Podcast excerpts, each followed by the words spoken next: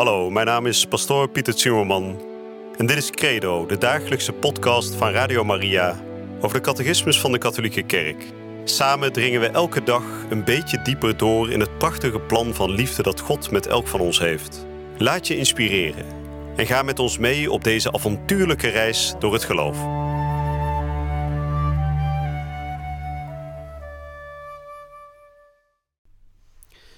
Vrienden, van harte welkom terug bij Credo. Nou, we hebben uh, de eindstreep van dit hoofdstuk bereikt. En ik denk dat u daar misschien wel blij mee bent. Het waren natuurlijk uh, prachtige uh, geloofswaarheden die we hebben bekeken. Maar het was niet altijd even makkelijk de afgelopen dagen.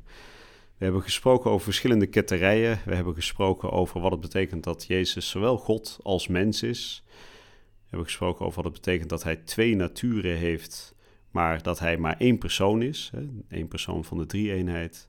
En vandaag gaan we dat even kort samenvatten.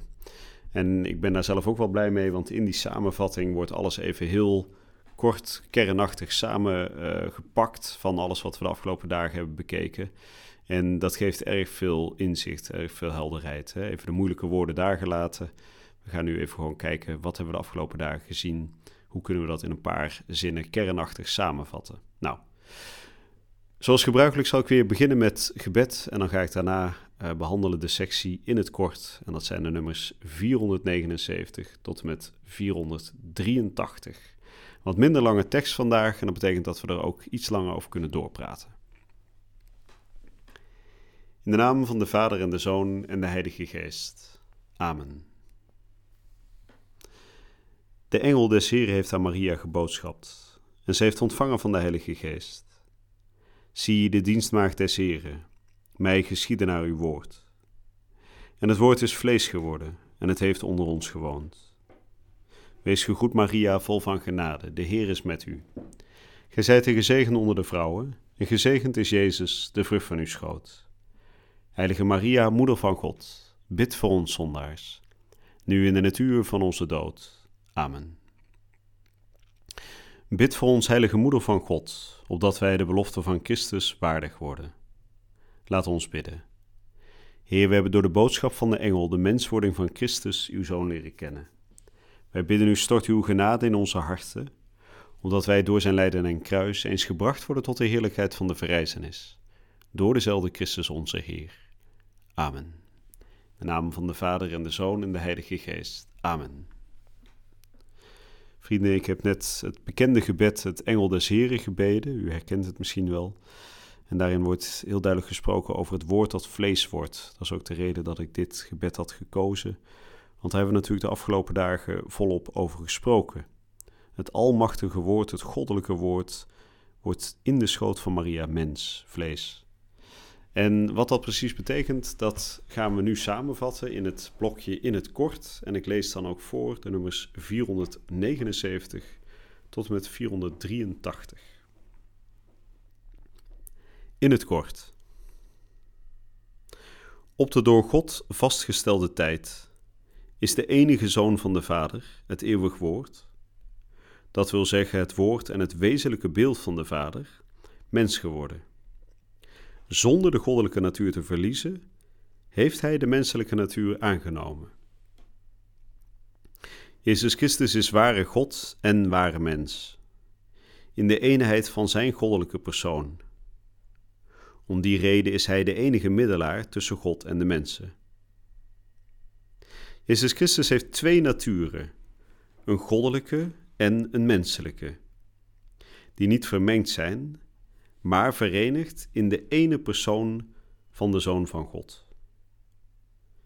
Omdat Christus waarlijk God en waarlijk mens is, heeft hij een menselijk verstand en een menselijke wil, die volmaakt overeenstemmen met en onderworpen zijn aan zijn goddelijk verstand en zijn goddelijke wil, die hij gemeenschappelijk heeft met de Vader en de Heilige Geest. De menswording is derhalve het mysterie van de wonderbaarlijke eenwording van de goddelijke en de menselijke natuur in de ene persoon van het woord. Nou, dat was de tekst voor vandaag. Zoals gezegd, iets korter. Maar dat is alleen maar goed, want dan kunnen we er zelf iets uh, langer bij stilstaan. Nou ja, wat vat de catechismus vandaag samen? Het eeuwige woord, het beeld van de Vader, is mens geworden. En hij is mens geworden zonder zijn goddelijke natuur te verliezen. Dus hij is gewoon God gebleven, ook toen hij op aarde was. En dan zien we dat er in die ene Godmens, Jezus Christus, een eenheid is van zijn goddelijke persoon. we hebben gehoord twee naturen, de menselijke natuur en de goddelijke natuur. En die twee naturen die zijn niet met elkaar vermengd, maar ze zijn wel met elkaar verenigd. Dat is een verschil tussen. Ze zijn niet vermengd, maar verenigd. En ze zijn verenigd in de ene persoon van Jezus Christus. Nou, we hebben gehoord dat Jezus een menselijk verstand en een menselijke wil heeft, die volmaakt overeenstemmen met het goddelijke verstand en de goddelijke wil. En ik heb in de vorige uitzending genoemd dat we dat heel duidelijk zien op het moment dat Jezus bidt in doodsangst tot zijn hemelse vader in de Hof van Olijven. Daar zegt hij die, die, die o zo belangrijke uitspraak: Vader, niet mijn wil, maar uw wil geschieden. En hij zegt dan ook: Vader, als het kan, laat deze beker dan naar mij voorbij gaan. En het lijkt alsof daar een soort tweestrijd is bij Jezus, alsof zijn menselijke wil nee zegt, maar alsof zijn goddelijke wil ja zegt. En toch is dat niet zo. Wat zien we hier namelijk gebeuren? We zien eigenlijk gebeuren hier dat de menselijke wil van Jezus zegt: dat wat er nu gebeurt, het feit dat nu de zoon van God gekruisigd gaat worden, is eigenlijk iets wat nooit had mogen gebeuren. want wat is het namelijk? Het is het gevolg van de erfzonde, dat weten we, daar hebben we over gesproken. Dus datgene wat staat te gebeuren, is eigenlijk datgene wat nooit had mogen gebeuren. Namelijk dat de zoon van God wordt vermoord.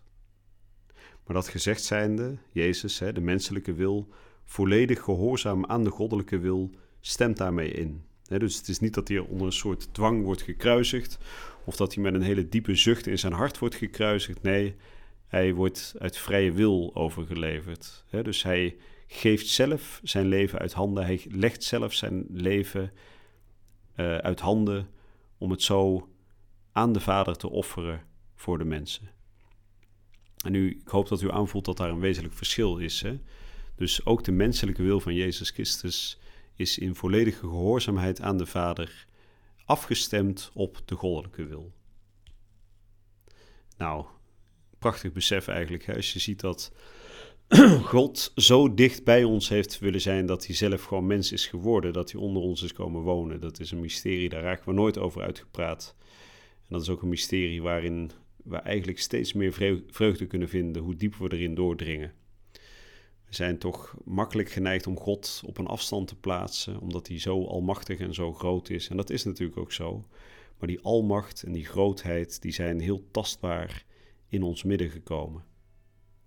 En dat is ook het wonder van het evangelie. Hè? We kennen natuurlijk de heilige Thomas na de verrijzenis die de wonden van Jezus aanraakt en dan pas uitroept, mijn Heer en mijn God. En dat moet in ons eigen leven ook gelden. Op het moment dat we Christus heel tastbaar dichtbij weten, dan mogen we uitroepen, mijn Heer en mijn God. Die ene mens, die volledig mens is, maar in die mens kunnen we ook de volledige Godheid zien. En dat is ook wat Jezus tegen Filippus zegt, hè, een van de apostelen, een van de andere apostelen. Hij zegt dan ook, wie mij ziet, ziet de Vader. Ook een prachtig getuigenis van dat zijn menselijkheid uiteindelijk um, volledig is afgestemd op zijn goddelijkheid.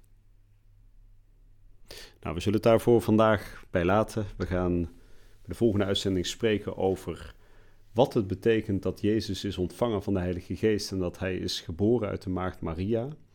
Ook weer twee hele grote geloofswaarheden. Maar voor nu zullen we afronden en wens ik u een hele goede en gezegende dag toe.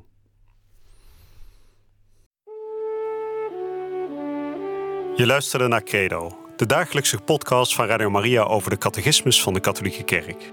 Credo is iedere werkdag te beluisteren op Radio Maria. Maar je kunt de afleveringen ook in je eigen tempo terugluisteren op onze website, in de app of op Spotify en de andere platforms. Via de website radiomaria.nl vind je dagelijks de link om de bijbehorende teksten uit de catechismus mee of terug te lezen.